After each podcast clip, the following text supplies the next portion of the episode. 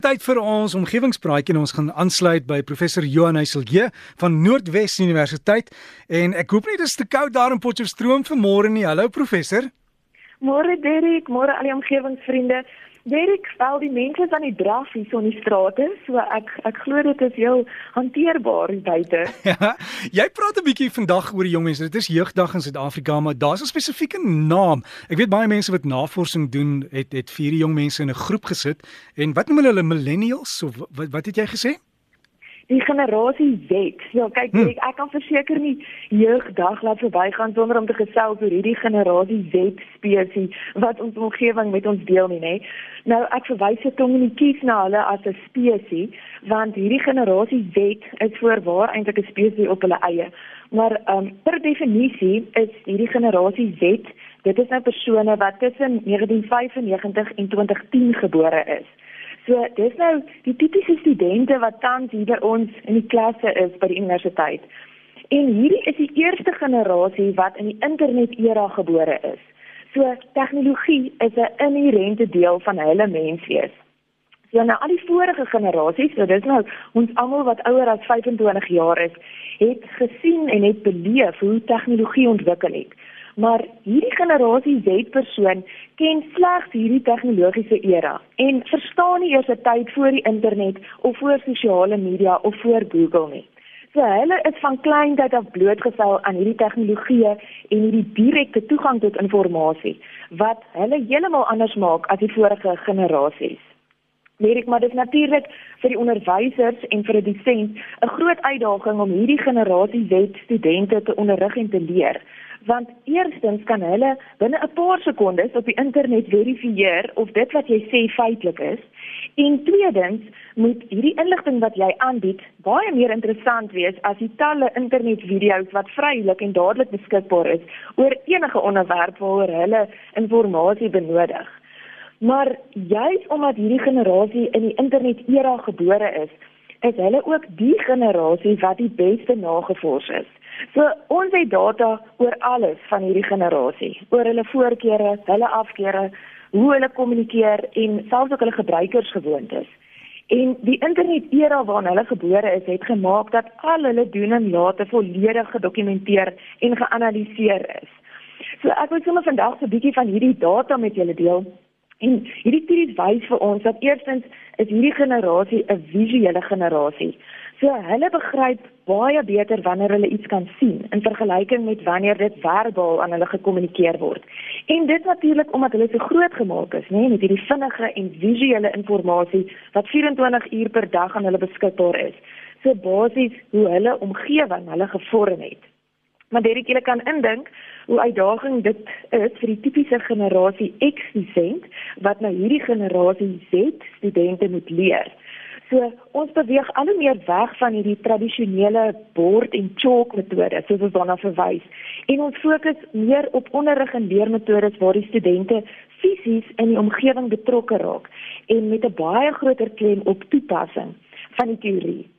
Maar uit 'n omgewingsoogpunt is daar dan nou ook al baie opnames gedoen onder hierdie generasie Z om te bepaal hoe hulle dink oor omgewingsake. En interessante resultate is bekend gemaak tydens die COP22 konferensie van die Verenigde Nasies wat bewys het dat hierdie generasie Z is baie ernstig oor volhoubaarheid.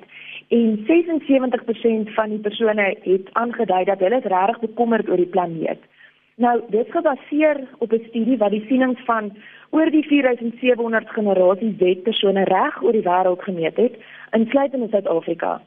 En hierdie navorsing het duidelik gewys dat hierdie generasie is baie ernstig oor klimaatsverandering. En dit het selfs gewys dat dit vir hulle 'n groter probleem is as onder andere toerisme, armoede en werkloosheid. So hulle is baie ernstig oor wat in die omgewing aan die gang is. En dan 80% van hulle het ook gevoel dat owerhede nie genoeg doen om die omgewing te beskerm nie en dat dit basies aan hulle generasie oorgelaat word om 'n meer volhoubare toekoms te bou. So dit is vir ons goeie nuus. Um, die studie het ook gewys dat hierdie generasie baie pragmaties is. Nou dis waarskynlik as gevolg van hierdie direkte toegang tot inligting en data wat hulle tot hulle beskikking het en wat hulle baie bewus maak van wat presies in hulle omgewing aan die gebeur is. Maar juist daarom is hulle ook self bereid om baie meer omgewingsvriendelik te leef en um 46% van hulle het aangetoon dat hulle bereid is om meer vir 'n item te betaal wanneer die produk omgewingsvriendelik is. So werklik goeie omgewingsvriende. Maar in opsomming het hierdie studie bevestig dat generasie Z meer daadwerklike optrede wil sien veral in die rigting van 'n volhoubare toekoms en hulle is ook self bereid om baie hard daaraan te werk. Derek en um, in Suid-Afrika speel ons jeug natuurlik 'n groot rol aangesien 41% van ons populasie onder die ouderdom van 21 jaar is. So generasie Z gaan kort voor lank die dominerende generasie in Suid-Afrika wees. En vir ons gaan dit beteken ons digitale kommunikasie en veral ook sosiale media gaan nog meer bekendtoon word want dis natuurlik die taal wat hierdie generasie praat. Maar Derek vir groen gedagtes op jeugdag is ek positief oor die toekoms van die omgewing want dit is in goeie hande van hierdie generasie Z en dis werklik 'n generasie wat bewys hulle is bemoeid met die omgewing en ernstig oor volhoubaarheid. So ons kan gerus vir hierdie vreemde maar opregte spesies, hierdie generasie Z, dan ons vandag en al die ander dae die voordeel van die twyfel gee. En die hoop wat daar is vir ons, jy weet so ons het daarmee 'n toekoms as dit in die hande is van die jong mense, né professor? Erik, ek dink so regtig hierdie generasie is regtig ernstig oor die omgewing. Hulle is bewus van wat aan die gebeur is en hulle is bereid om hulle deel te doen. So dit voorspel net goeie goed. Ja, ons hande, ons wat, hoe sê hulle ons ons hoop is in die hande van die jong mense. Dit was maar nog altyd so gewees. En dink jy ons ou mense as ons nou kom by die die jonger ou mense is ook besig om daarmee die tegnologie by te kom en bewus te raak van dinge soos die omgewing? Ek glo so direk mens moet anders raak jy agter. So hmm. ehm um, dit is maar deel van die kringloop. So ons moet bybly so ver ons kan.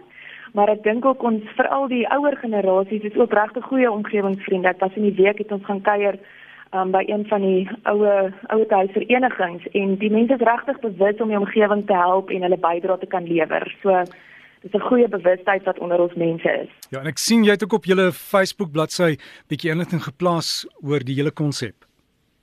Ja, ek gaan nou so 'n bietjie nog inligting met die mense deel, so julle kan gaan kyk op ons Facebookblad en natuurlik as daar navrae is, kan julle vir my e-pos by omgewingspraatjies@gmail.com.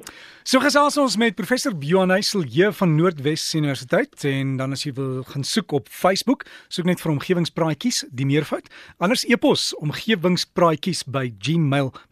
kom omgewingspraatjies by gmail.com en ek sien Pieter Skutse het ook 'n vraag vir die professor asseblief. Stuur vir hulle e-pos en dan kan hulle vir jou daarop antwoord. En asseblief kyk mooi na ons omgewing